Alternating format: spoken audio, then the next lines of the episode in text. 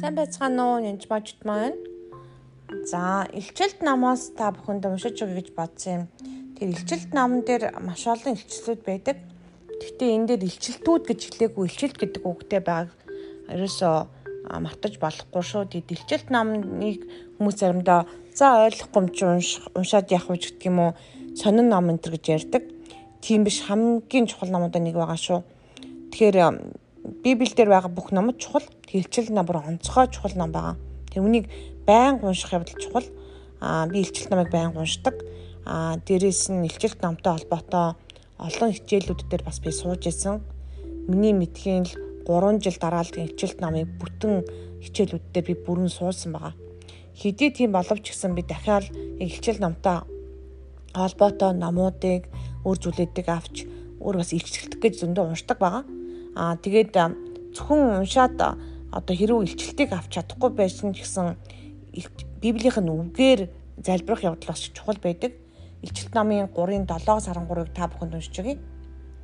Тэгэхээр Филадельфия дахь чуулганы тэнгэрлэгчд бичгтэн. Энд Филадельфия дахь чуулганы тэнгэрлэгчд бичиж байгаа гэдгийг сайн хараараа. Чуулган болгон өөрийн гэсэн тэнгэрлэгчтэй байгаа. Тэр энэ чуулган бол жижигхэн мөртлөө маш хүчтэй сайн чуулгануудын нэг байсан байгаа. Тэгээд долоон чуулган зориулсан зүйлийг аль айлцсан байдаг эзэн Иесус Филадельфиад их чуулганы тэнгэрлэгч бичгтэн. Нээгт нь хинч хаахгүй, хаахт нь хинч нэхгүй. Давидын түлхүүртээ үнэн бөгөөд ариун нэгэн үнийг альдж байна. Тэр Иесус энийг хэлж байгаа. Давидын түлхүүртээ нэгт нь хин ч хаахгүй хаахт нь хинч нээхгүй тийм үнэн бөгөөд ариун нэгэн үнийг альж байна. Иесус өөрийгөө илчилж байгаа. Тэр илчилт номын хамгийн чухал зүйл бол Иесусыг илчилдэг байгаа. Иесусийн тухай маш олон нэрүүд байдаг гэж байгаа.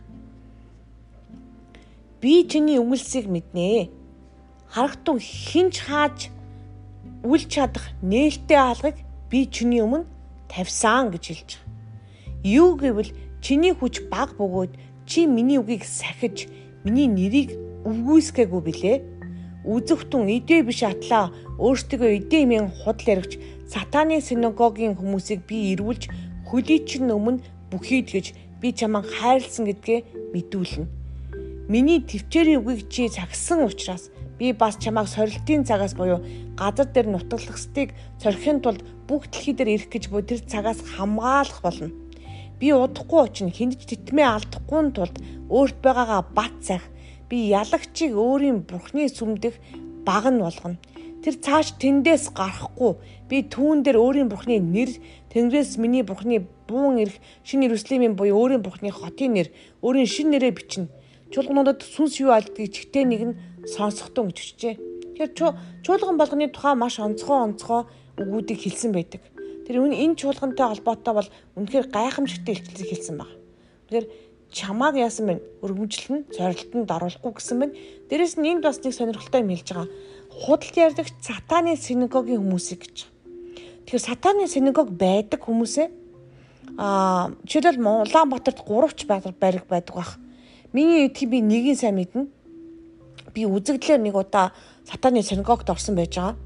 Нэгдүгээр болын автобусны буудлаас буугаад явж хахад маш их олон чонон дайрдаг тийм үзэгдэл би маш үздэг байсан байхгүй.